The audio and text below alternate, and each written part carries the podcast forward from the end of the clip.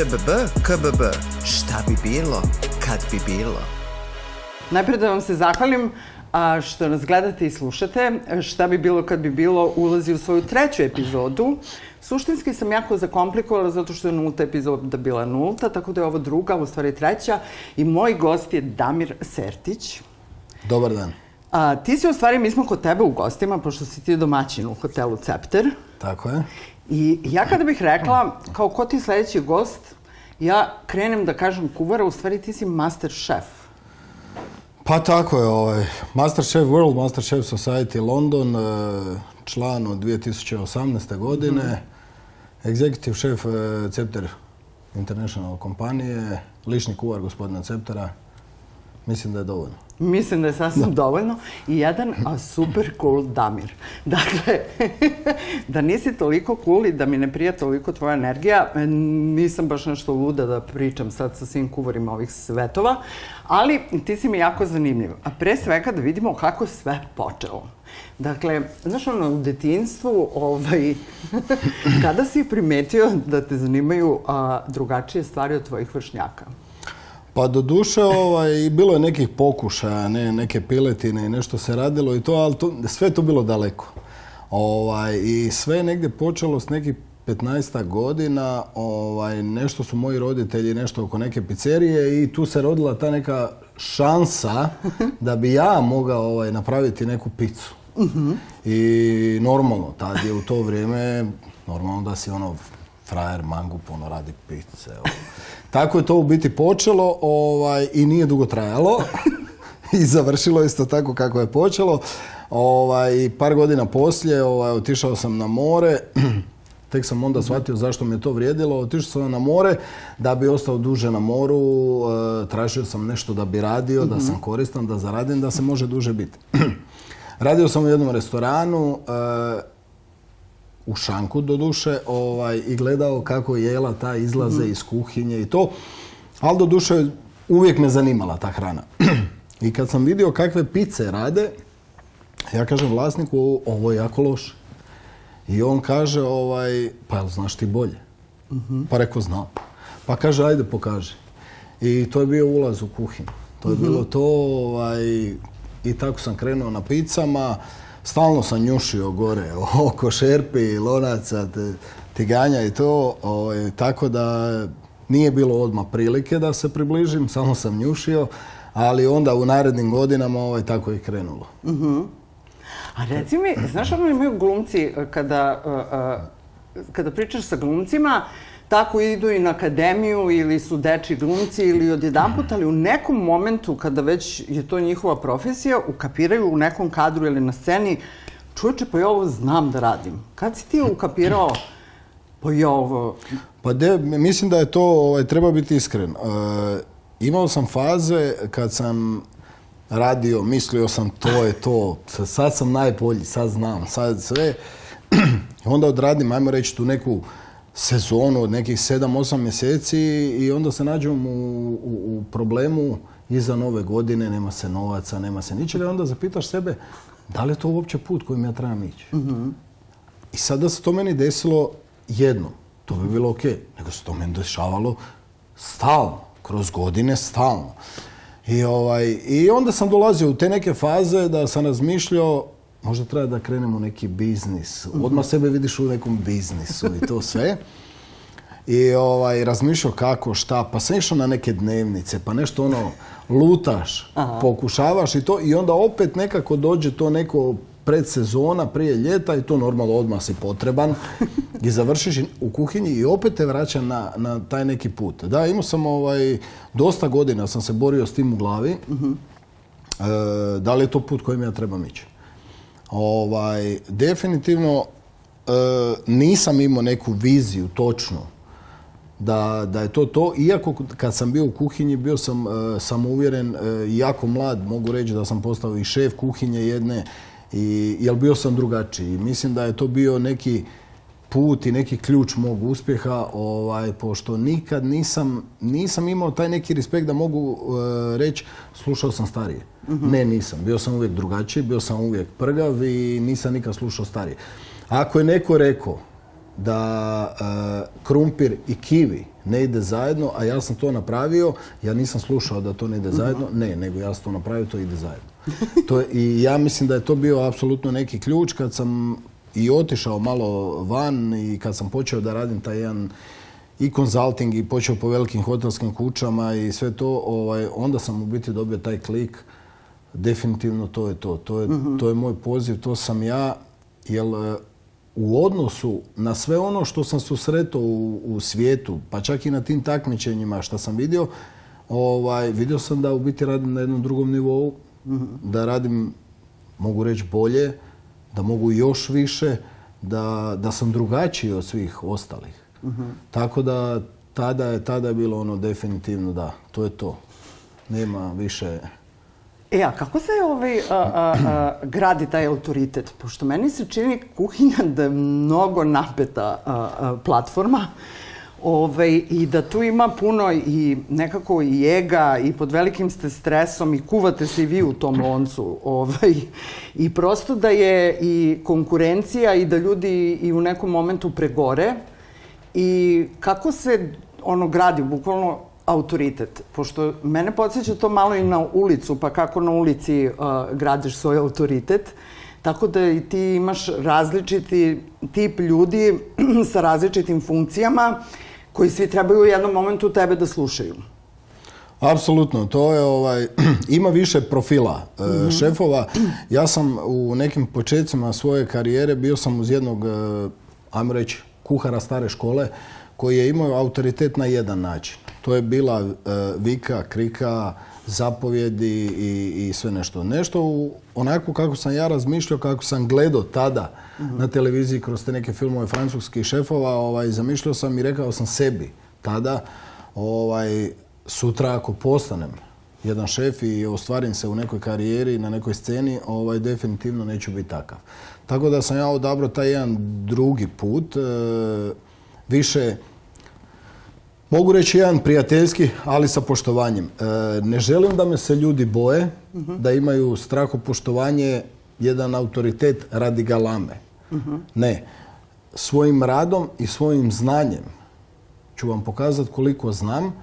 E, taj dio želim da poštujete i da respektirate i zato sam šef, zato treba da me poslušate i mislim da mislim da je to jednostavno po meni, iz moje perspektive, mislim da je to puno bolje. Ovaj, puno radim s mladim ljudima i volim to. Ovaj, nekako teško ljudi van, kuhinje, teško da, mogu doživjeti šta je u biti kuhinja. E, mi tu provedemo i po 12, 13, 14, 15 sati zajedno.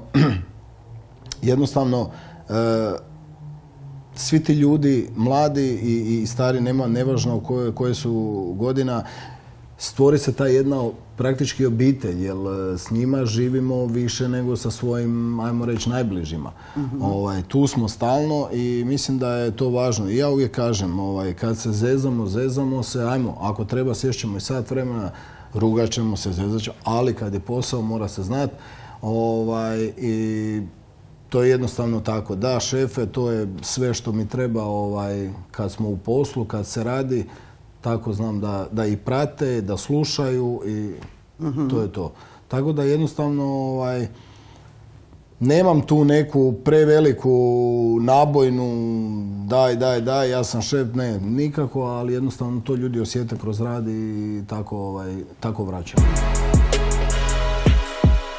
Kažu da je razlika između majstora i šegrata što majstor više puta nije uspeo i spomenuo si da si okružen mladim ljudima i kako sad neko ko želi kada vidi ovo sve što ti možeš eh, da napraviš i stvoriš ovi a mnogi mladi ljudi su mnogo pametniji od nas pa neće da studiraju grupe fakulteta nego odme idu na kulinarstvo, hotelijerstvo i ostale stvari i mislim da kada klinac eh, šta tražiš u nekom ko želi da ti bude, da uči od tebe, ovaj, koji kvalitet tražiš kod njega? Pa definitivno ovaj, mogu reći da više volim klince koji dođu i koji kažu ne znamo ništa, mhm. ali imamo volju.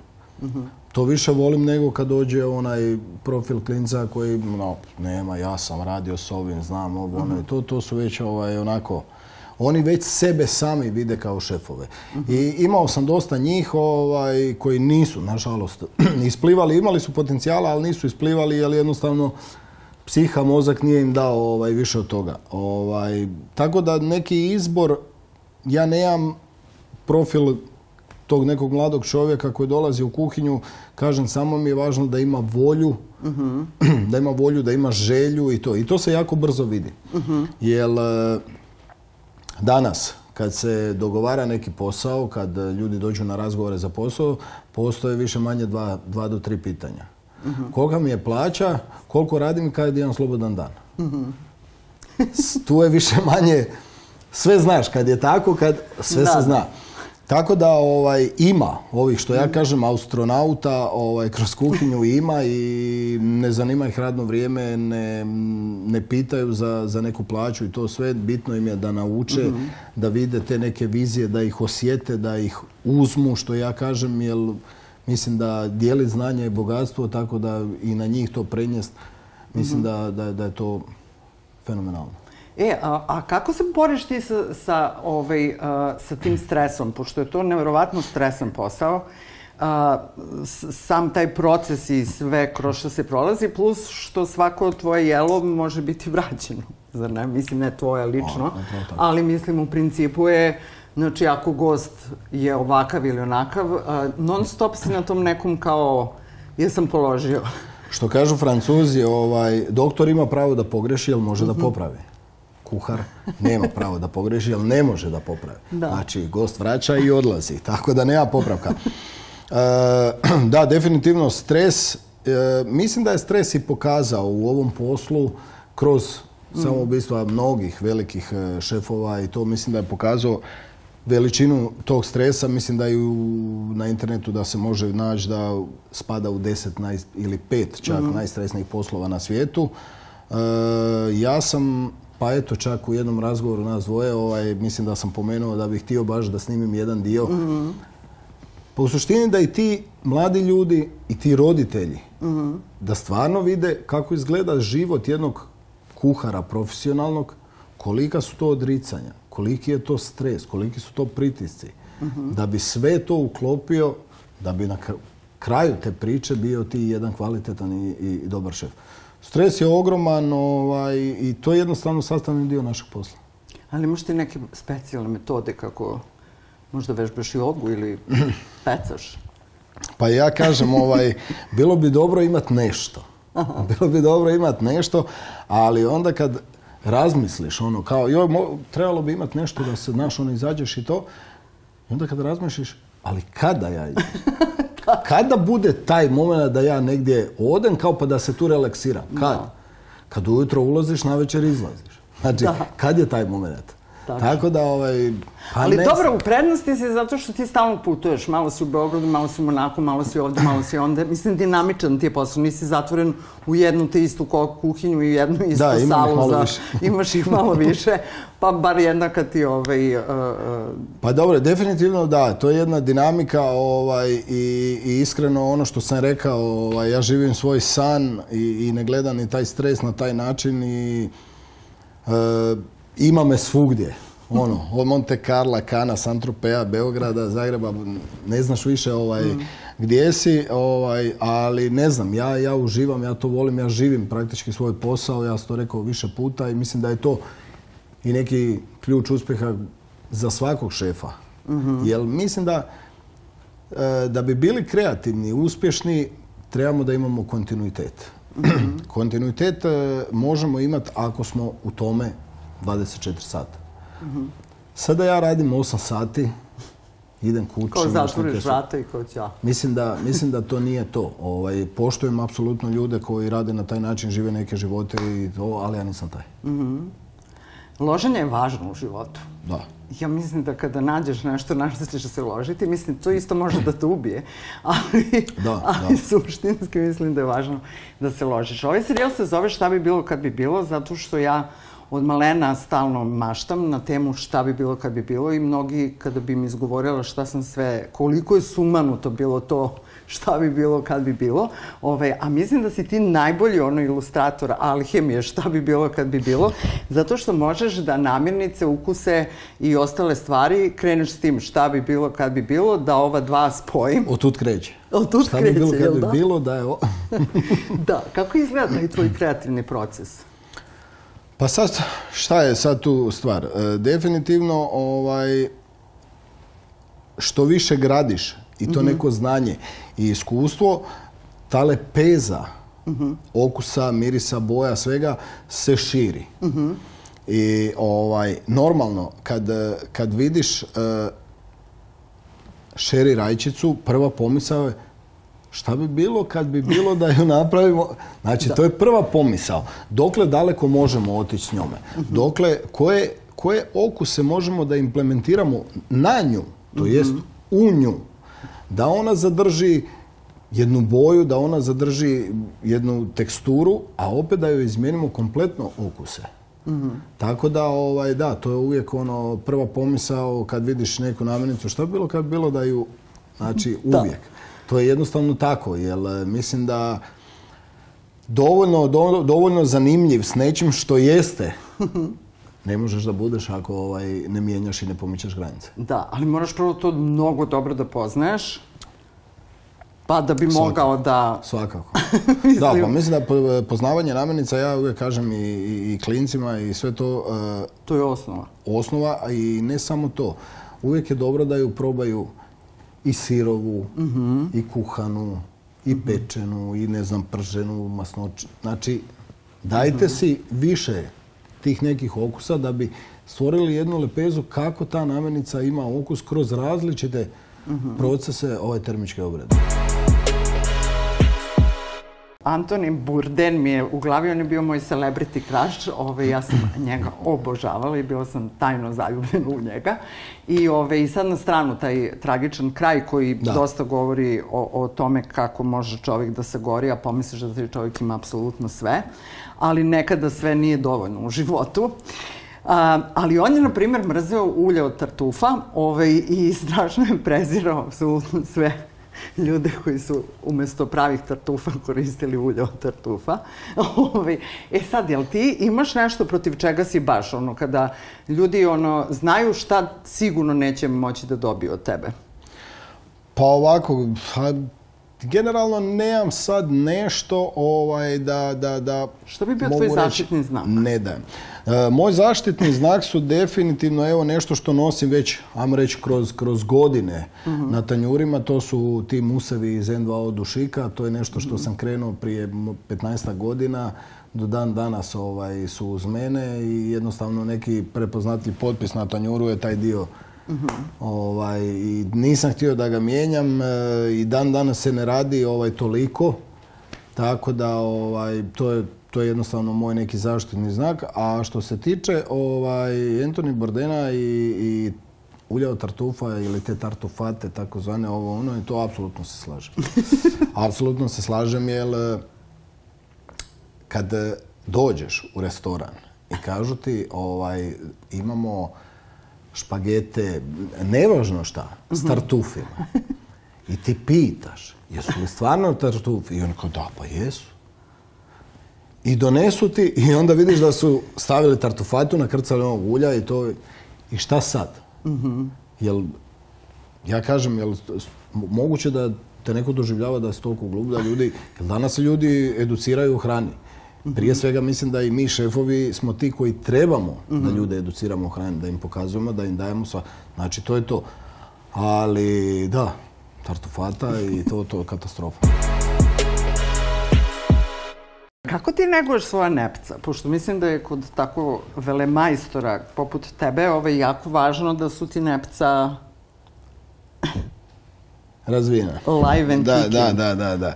ovaj, ono, ima stara narodna ovaj, poslovica koja kaže kod koga je najgore auto?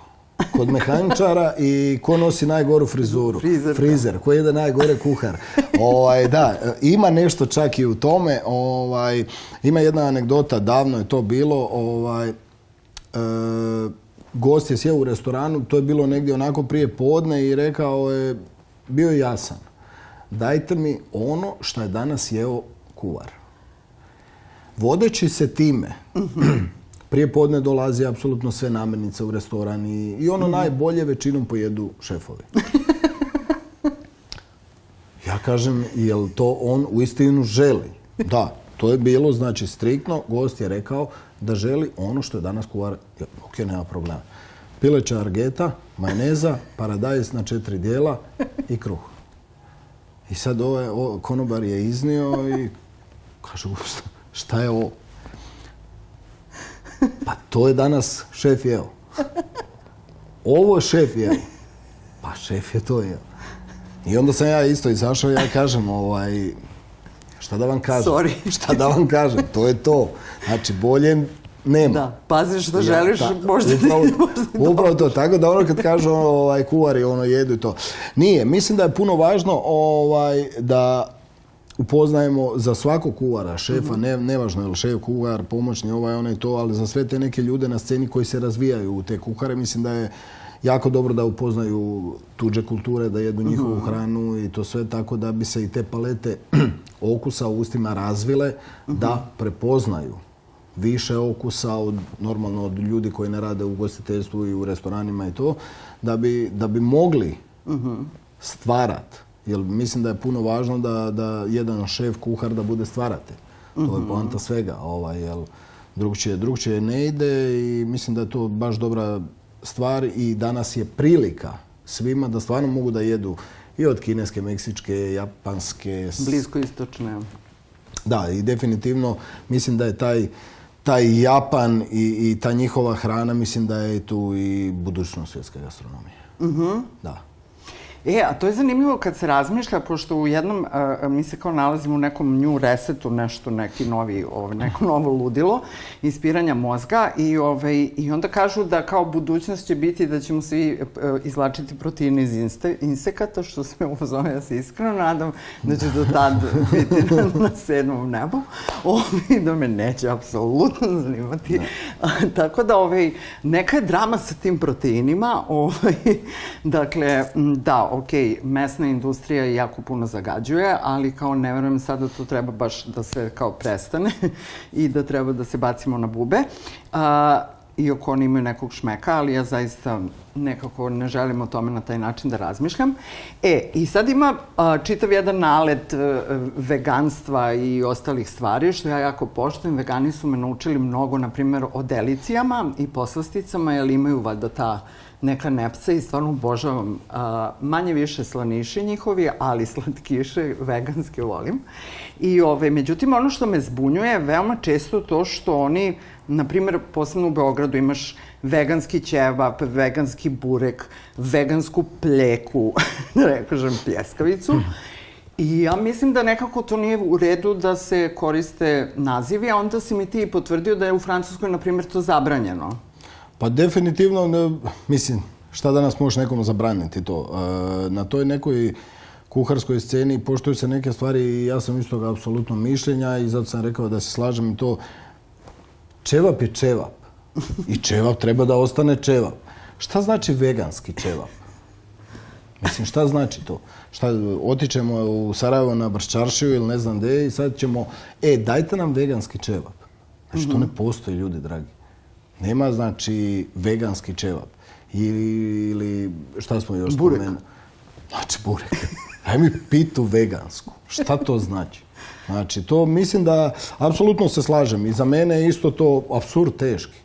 Znači, ne može da bude čevap, ne može da bude burek, pita, pljeskavica. Znači, da mislim, nema smisla. Čevap je čevap, zna se od čega se pravi čevap, zna se kako ide, pita, burek, sve ostalo kako ide i to, to je okej poštujem apsolutno i radio sam par, tih nekih i veganskih i vegetarijanskih menija ovaj, i poštujem i mislim da je tu i dosta e, potrebno i znanja za bratanje takvih namirnica da bi u konačnici dobio taj jedan kvalitetan, dobar mhm. obrok koji je ispunjen okusima na jednom visokom nivou. Mhm. Ne govorimo o nečemu što neko može da skuha doma i to, nego u restoranski čak i u fine diningu i to. Tako da, apsolutno poštujem, ali nikako i smatram da i prvi sam za to da, da se zabrane takve mhm. kaki vapi, veganski, kake pljeskavice. Da. Pa znaš šta, ja isto mislim da je to baš, e, da moraš ono da se bukvalno kao neki sveštenik. Ove, je li to takva vrsta angažovanja, jer ti moraš da istražuješ toliko različitih kombinacija koje do sad nisu istražene, a pritom si ograničen u jednom prostoru, možeš Znači, sirovo je, sirovi su stvari u pitanju. Tako da baš treba da budeš ono, e, da imaš prakse i prakse da bi stigao do, do jestivosti i ukusa. Mislim, prosto, a tek do prepoznatljivosti, to je posebna priča. Tako da, respekt za njih, ali meni samo, eto, prosto to smeta, jer mislim da izmislite neko svoje ime. Mislim, tako, tako pa ne, definitivno, ovaj, mislim da nema smisla. Znači, čevap je čevap i treba da ostane tu, tu gdje je mm, i da, ostane takav kakav je. Mislim, e, šta sad, možemo onda reći, ne znam, punjena punjene paprike veganske, sarme veganske. Mislim da nema smisla. Pa jest. Mislim da, ok, može se napraviti dobra replika tog jela mhm. u, u nekoj veganskoj varijanti i to. Ali ali ja nekako mislim da je to skretanje pažnje, da oni imaju čitavu jednu platformu da mogu da razvijaju totalno svoje ukuse koje nemaju nikakve veze sa sarmama, mislim sarme, sarme, jel? Ovaj, e, mene samo nervira to što se troši ta energija, a da u stvari imaju čitavu jednu galaksiju mogućnosti i da, daju neka nova imena i neke nove pojmove i neke nove kombinacije. Zato i služe različite kuhinje. E, spomenuo si japansku kuhinju, u Beogradu je postao suši sad već kao deo tradicije, ja se sećam Beograda gdje nije postojao nikakav suši bar. I, ove, a mi smo poznati po tome što imamo reke. Dakle, ovaj, riba stiže u određenim intervalima u ovaj grad a suši nekako ovaj podrazumeva da to bude sveža, sveža riba, tako da verujem da kod tebe nije baš svaki dan suši ili kako? Pa nije, nije svaki dan suši i, i, nekako to gledamo ono prema kraju tjedna, mhm. ovaj, taj petak da se ulovi i, i da, da ima većinom da je svježa riba i to ne volim. Znači do nedelje, nedelja pa nadalje tamo negdje do srede ovaj, nema razloga i potrebe da dajemo ovaj, suši ali baziramo cijeli tu neku priču na nekim svježim navenicama, to što je mhm. danas kupljeno svježe, to se radi. Mhm. Tako da ovaj, teško je, teško je ovaj, definitivno u, u u Beogradu loviti sad to nešto da je top kvalitete riba, da si ti tu prvi, da jer tržište je ogromno, masu je restorana, mhm. ugostitelja i sve, svi imaju neku svoju vezu, za nju se love i to, tako evo, tako i mi. Ovaj, I ono šta, znam da je mhm. sigurno i da će biti mhm. i da je kvalitetno, to uzimamo i na, na tom principu i radimo. Hrvatska je morska zemlja. Ove, ti si sam rekao da, si se e, kalio se čelik na moru, na rivijeri. e, pa, a kako je sad kad ovdje živiš? mi smo kao zemlja reka i jezera. pa li imaš neku omiljenu rečnu Neman? za spremiti? Pa što se tiče rečne Neman, mislim da je najinteresantnija meni ovaj mm. Pogotovo crvena. Mm. Najviše i podsjeća losos i, mhm. i stvarno je do vrhunske kvalitete. Mhm. Tako da ne mogu, ne mogu da kažem ovaj, i u našem hotelu u Vrnjačkoj banji ovaj, tamo ima i blizu, mhm, tako je mhm. ribnjak, ovaj, tako da se može dobiti stvarno vrhunska kvalitetna mm pastranka i onako baš, baš, baš. A što ti nedostaje od morskih čudesa? Pa od morskih čudesa, ovaj, pa ne, šta da kažem, šta mi nedostaje. Mislim da ovaj, Nešto što je teško, recimo jako teško za nabaviti, to je ta e, zlatorepka plava tuna, ovaj, koja je i u Hrvatskoj čak jako teško se dođe do nje, jer eto imaju te neke zabrane i ti neki ljudi sa dozvolama za taj lov i svašta nešto, ali ovaj, to je onako. To je jedan mhm. kvalitet e, koji možeš i sirov da jedeš i sa kosti da skidaš i da jedeš, ali da stvarno osjetiš taj jedan kvalitet. mislim da samo to što se izvozi direktno u Japan, mislim da dovoljno govori o kvaliteti te Da, zamisliti to. Tako da, ovaj, stvarno, evo, to bi volio, evo, da, da, da mogu ovaj, nekako dobaviti ovdje da napravimo nešto, nešto novo. A, restoran u okviru hotela Cepter ima novi meni, je počeo zimski meni? Jesen zima. Jesen zima, Jesen, zima i znaš sam si posebno ovaj, ponosan, koji su to kombinacije ukusa? Pa ovako, ovaj, da, to je jesen, zima, naš letar meni, ovaj, zamišljen kao i modne kolekcije, proljeće, ljeto, jesen zima, ovaj, tako sam to nešto i osmislio. E, na šta sam ponosan? Pa ne, definitivno ponosan sam na, sve što stvorimo, svaki taj detalj, taj segment na tanjuru, mhm. E, i predanost da se dođe do toga, ovaj, apsolutno sam e, ponosan, sad smo nekako e, sve te neke, ajmo reći, segmente tanjura uz tu ribu, meso, nevažno je šta je, prilagodili smo tom jednom zimskom ovaj periodu, znači i, strašno, strašno dobro. E, volim da biramo isto kao što sam rekao i za, čuveni mono cake, pomalo zaboravljene namirnice ovaj, uvijek su ono primamljive. Dajte nama. Ja, moram da priznam da sam ja do svoje e, e, do pre mjesec dana da me neko pita šta za 52 godine života izbegavaš, rekla bih mak stvarno sam mislila da ga ne volim, međutim pojavio se ono, kejk, Ja sam shvatila da ja u stvari ne volim te kolače oko kojih se stvar, mislim, pravi, mislim, koje okružuju mak, a mak kao mak da mi je to postao omiljeni kolač, tako da čestitam. Hvala, hvala, hvala, hvala. E, yeah. da, izvoli.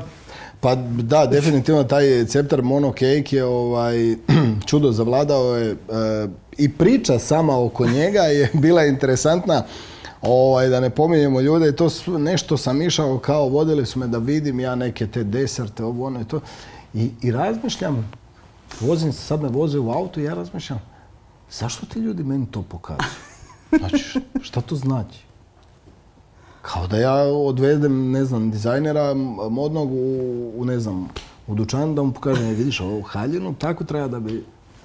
Ja sad razmišljam, zašto ti ljudi meni to pokazuju, to nema smisla je to. I sad e, ti neki deserti kao koje su mi pokazivali, ovaj, apsolutno su odskakali od, svega što mi kao Cepter jesmo. Rekao, dobro, ovaj, zanemarit ćemo to, krećemo u drugom smjeru. E sad, šta je interesantno, šta je dobro, šta je... E sad, kao pistacio, preplavljen Beograd. Mhm. Maline, preplavljen. Vanilija, preplavljen. Šta krenu, šta krenu, šta krenu. I, ovaj, i dođem na ideju ovaj, na maka mhm. preko da. Mak je nešto što se malo čak koristi. Ovaj, I ono negdje u pekari možeš vidjeti ono kad stave ono neko pecivo s makom, e reko to je to sad ćemo makro, pomalo je zaboravljen, ovaj, e sad ga treba napraviti, ali ga treba napraviti da, da kad pojedeš da, te ne razvali, da, si, da nisi nadut i to, da bude lagan. Ok, a kako ćemo sad to? Onda ovaj, primijetim da u nekolicini beogradskih restorana čak ima neka torta od maka. Mhm. Ok, pogledam te neke recepture, šta ljudi rade i to sve, vidim, to nema smisla.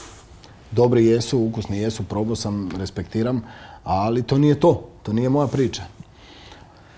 E, šta ćemo sad? Kako u biti da izgleda taj kolač od maka? Mhm. Ludilo, znači. Znači, ludilo u glavi. Kao imaš maka, ali to je to. Ok, i u traženju mhm. kalupa, vizuale neke, kako bi to izgledalo i to, iz prve naletim na, na to što se meni ovaj, svidjelo u tom momentu, rekao super, to je to, ajmo sad da ga slažemo. Ne smije da ima brašno, ne smije da ima uh, šećer veštački, ne smije da... Rekao, šta smijemo?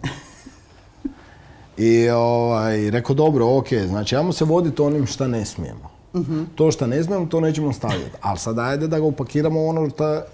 I tako je u biti i nastao ovaj, Ceptor Mono Cake i, meni je stvarno jako drag laganje za pojest imali ste priliku, tako da ovaj, laganje za pojest ja stavljam, imamo znači jedan dodatak eh, belgijske bele čokolade. Mm.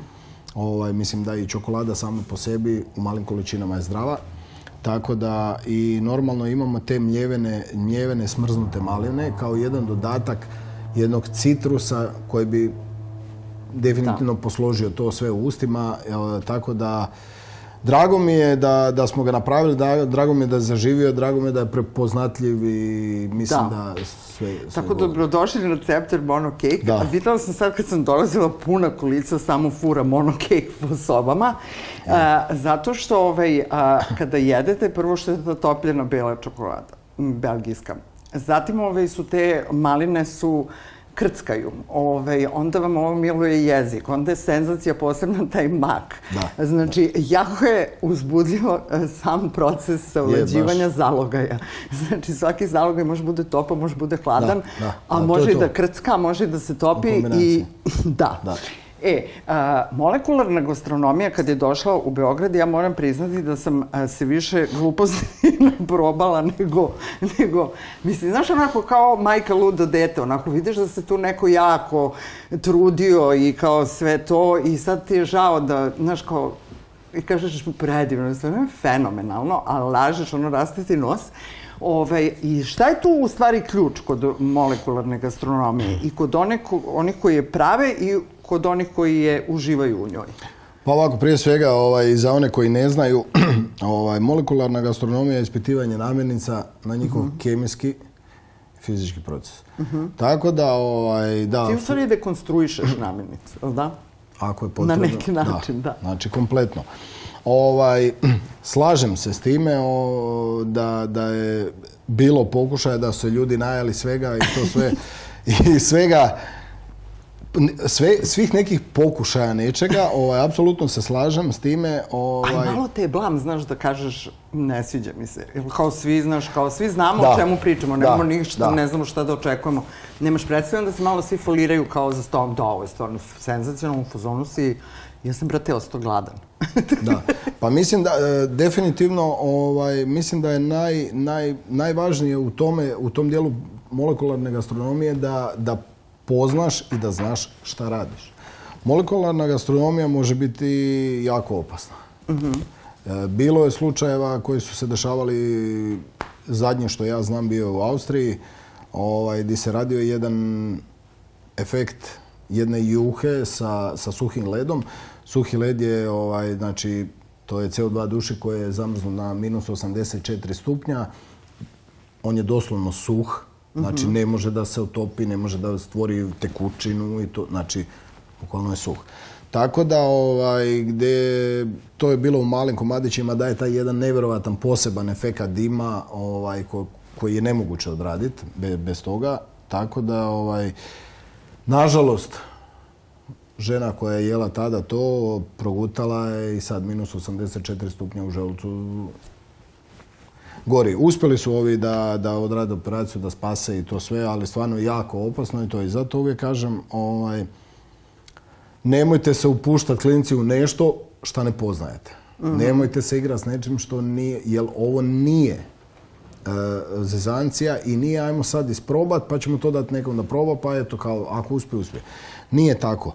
Ovaj, tako da je vrlo važno da, da poznaješ to što radiš, da poznaješ dušike, da znaš šta je, da znaš šta je tečni azot ili ti tekući dušik, mhm. da je to destilacija tekućeg zraka na minus 196 stupnjeva, da, ne možeš da radiš tim kako hoćeš, da ne možeš da to, prenosiš, da masu je tih nekih stvari i to. Ali da neke stvari, kao što su recimo, ne znam, napravimo jedan dobar krem, mhm koji je onako jedne lagane strukture i više može da nema čvrstoću da stoji. Njega staviti u, u tešni azot na minus 196 stupnjeva, par sekundi izvaditi van, di on dobiva jednu koricu, di se on dimi kad ga stavite u usta i to. Fenomenalan je osjećaj.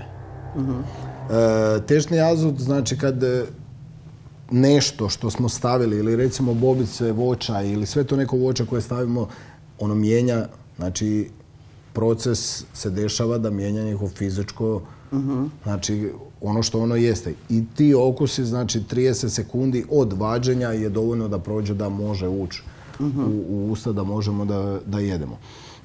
Zato je vrlo važno da se kod toga zna šta se radi to. E, meni je bilo drago ovaj prošle godine, imam dosta kolega u Beogradu koji rade i poštujem ih i onda kažu ovaj, pa daj Sertiću, idi, kaže, ovi klinci, brate, vide nešto napraviš na, Instagramu, nešto objaviš molekularno i to, kaže, cijeli grad se, kaže, bukvalno vodi onda s tom jednom stvari i to svi to piče. Ja, koliko god je ono, ja kažem, meni je drago da čujem, da stvarno imate neke djece koji stvarno to isprobavaju šta vide, šta napravim i da oni to furaju da rade. Drago mi je svakako da, toga ima, da to čujem, da se radi. Ovaj. A kad bi rekao da u početku kad sam ja krenuo s time, s tim i sifonima i ludilima i to sve, da, da nije bilo pokušaja na tanjuru lagao bi. Tako da ovaj, svi mi od negdje moramo krenuti, od negdje moramo da, da pa učimo i to. Ali uvijek sam bio i tada i, i danas, ja sam bio više onaj tip eh, radnika i to. Dok ne napravim, neće izaći. Bilo je sto pokušaja koje sam ja probao, nikad nisam dao nikom drugome, znači dok nisam došao do one forme koje sam htio i teksture, boje, okusa i svega, nisam dao ovaj nikome. Mhm. Znači ti si samom sebi pokusni kunić. Tako. I mislim da je to najbolje. došli smo do onog momenta uh, u emisiji kada ćemo, uh, pošto ljudi provode toliko vremena na mobilnim telefonima, zapratite Damira Sertića na Instagramu, ovaj svašta tamo može da se nađe. Veoma uzbudljiv e, i poučan Instagram uh, profil. E, kada već toliko ljudi provode vremena, pa hajde predlog za googlanje. Ove, ovaj, ja sam tebi obećala knjigu Ivana Tokina, najnormalniji čovjek na svetu, međutim ona je rasprodata. Bila je ovaj, na popusu 60%, tako da ni u Vulkanu, ni u Laguni, knjižarama nema, tako da Tokina, ako gledaš, naruče novo izdanje, bravo za rasproda tiraž. E, ali next, ovaj, sljedeći pik mi je bio, ako nema na pijaci Tokina. Sledeći je ovaj specijalitet koji želim da ti poklonim, a i vama da preporučim, je Feđa Štukan. Dakle, ovo je njegov roman Blank. Feđa je fenomenalan lik. Pogledajte njegov db gledajte njegove filmove i pročitajte Blank. Ovo je jedna od najboljih knjiga ikada i sa zadovoljstvom ti je... A, što je ona na Čirilici. Sad ja nemam pojma da li ti... da li ti... E, da li ja znam? Da. E, pomući ćemo se, ali ćemo pročitati. Da, eto, možda, ovaj, možda je to ovaj način da, da savladaš naše pismo. E, kad smo već kod jezika, a, a, sad si ti ovdje u Beogradu i, i srećeš nas razne koji koristimo razne da. reči u slengu i veoma se ti dobro snalaziš, što batice, odmah da ti kažem. e, ovaj, koja ti je omiljena reč iz beogradskog slenga i šta si krenuo ti sam da govoriš?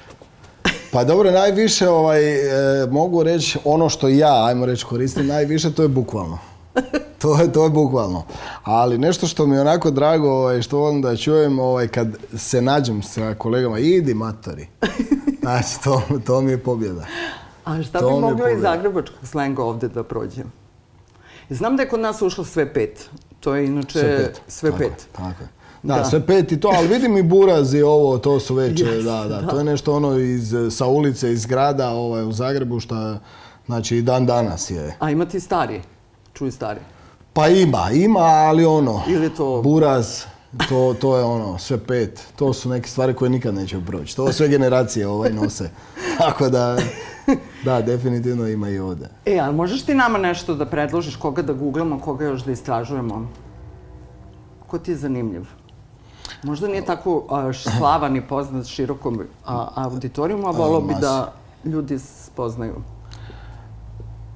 Pa šta znam, ovaj, definitivno ima tih e, zanimljivih ljudi i prezanimljivih nekad. Ovaj, ja kažem, nije dobro ni reći ovaj sve, da ne bi ljudi rekli, čekaj malo, koga je ovaj to preporučio.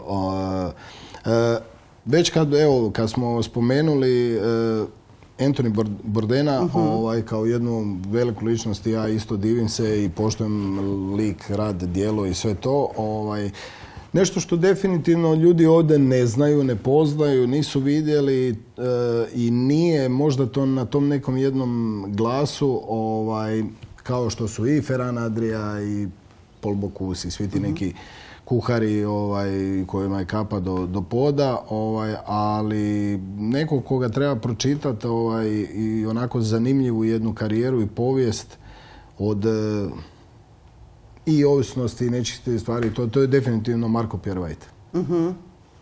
Tako da bi njega preporučio ovaj, da ljudi malo pogledaju, straže, jer onako ima zanimljivih stvari koje nisu vezane samo za, za, kuhinju, to je mhm. stvarno onako poznata lika.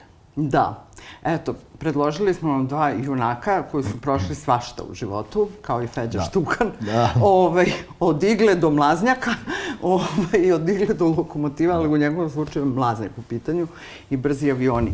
E, polako ulazimo u finale ovog našeg fenomenalnog razgovora i ja sam dopustila sebi da ispričam onu anegdotu sa Vedranom, ovaj, da je prizovem u emisiju, ovaj, da ipak dođe ona u ovu hotelsku sobu 107, da sednem ja sa Vedranom, pa ko preživi dok me ne istranžira onako sa filetom od jezika, ono filet nož jezika je kao filet nož, bukvalno. Da, da, da. da.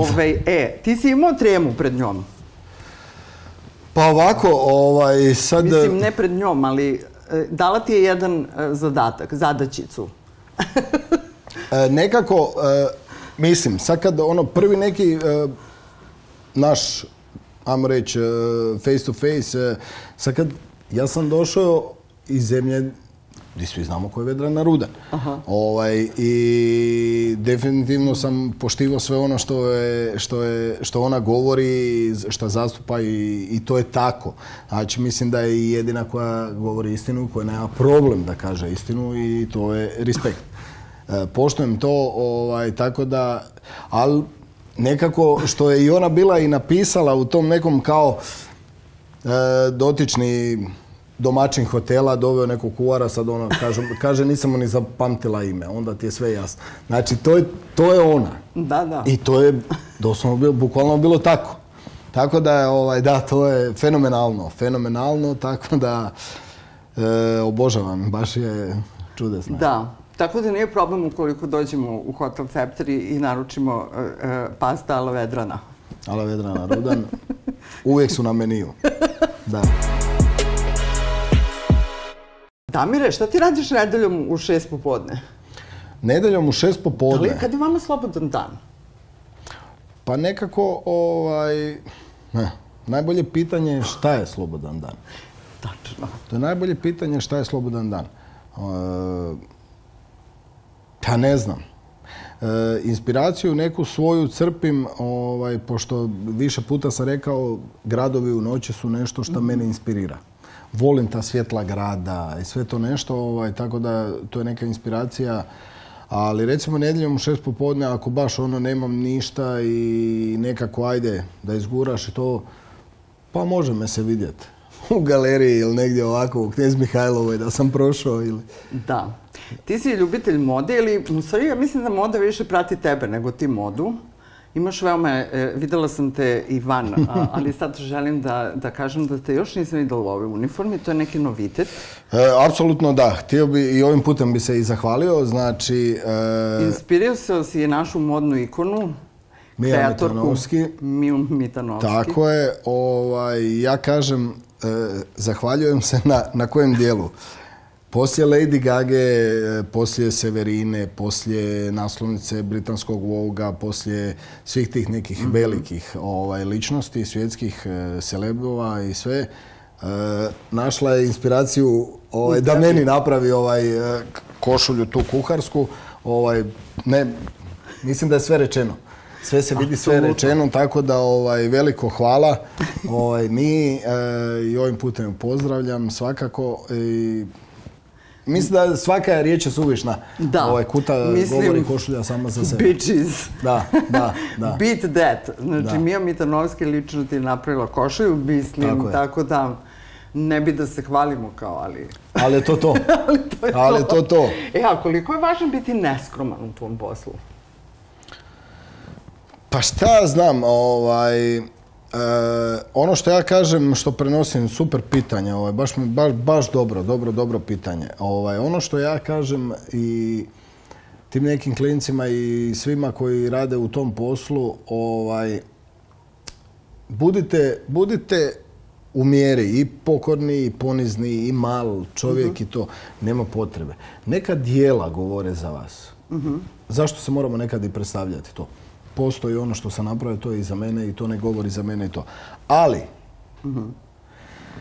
kad je riječ o tanjurima i predstavljanju samog sebe, budite bahati, bezobrazni, znači granica nema. Znači, bahat i budi maksimalno bahat, budi e, bezobrazan do, znači, do zadnje granice. Znači, prezentiraj sebe. To što si napravio, to što si složio, to prezentira tebe. Mhm. Znači, od toga u tom momentu i u toj večeri, u tom ručku, u tom momentu ne postoji bolje. Mhm. I na taj način to prezentira. I nemoj da, nemoj da se e, spuštaš, nemoj da iko... Znači, bahato, to, mhm. to si ti. E, kad prolazim terazijama, sad e, postoji ovaj jedan proizvođač pice koji je potpuno zagadio ceo ovaj deo. Mislim, svaka čast na picama, ali ovo je zaista hardcore kad se prolazi, zato što je meni uvek ovako u ovom periodu, ono početak novembra, ovaj, miriše kestenje. Da. A kesten je stvar koja izumire. Čitala sam neki tekst o tome šta se izumire na planeti Zemlje i kao, ok, mnoge neke vrste e, životinja i tako dalje. Međutim, ja sam se potpuno šokirala kada sam shvatila da kesten izumire i da će on bukvalno u jednom momentu dobiti cijenu tartufa, koliko će biti redak. Da, li je kesten tebi zanimljiv? E, apsolutno. Zato što može da se bari, može da se peče, može... Kako na kesten je... Kesten je nešto što mi je dalo ovaj, e, veličinu u, u, u, jednoj stvarno i velikoj večeri koja se radila e, onako, ajmo reći, na jednom europskom nivou ovaj, i tu me je Kesten inspirirao maksimalno. Mhm. ovaj, doduše radi se o desertu mhm. koji je bio samo meni onako poznat kao, kao desert jer sam imao ovaj, viziju, niko drugi ovaj, nije mogao da shvati to. Uglavnom šta je bilo? Eh, radio sam te neke, ajmo reći, eh, repove jastoga, oni su onako bili u, pečeni u maslacu, da, mhm. jer rakovi sami po sebi su slatkasti. Eh, dehidrirao sam kokos koji sam lijeo u jedan prah da bi otisnuo tog jastoga u to i, ona glavna komponenta ovaj, koja je bila stvarno je to, radio sam taj umak od kestena i meda što je bilo e, u odnosu na sve tada što se prezentiralo u toj večeri, šta se davalo, da su ljudi rekli čekaj malo, šta je sad ovo? Da. Znači, za, za, e, desert ide jastog sa kestenom. Ne? Znači, ali definitivno pobjeda, ono, i da, obožavam kesten Bukvalno pobjeda. Znači, Kesten mi je, da. I često u ovako nekim večernim satima kad se nađem to uzmem, do, da. Da. To obavezno. Fišek. Kesten je, ma mislim, e, Kesten pire mhm. sa šlagom, to... nema, ali pošto nije ga, rijetkost ga je sad stvarno naći da je dobar, mm jer e, ne znam koliko, koliko i ljudi sami znaju da kad odeš na kesten pire u slastičarnicu dobiješ više graha pasulja nego kestena. mm Jer ne možeš da provališ mm okus, tako da ovaj... Tako da ako vam se jede kesten, kesten u fišek i to vam je, I to je Najbolje.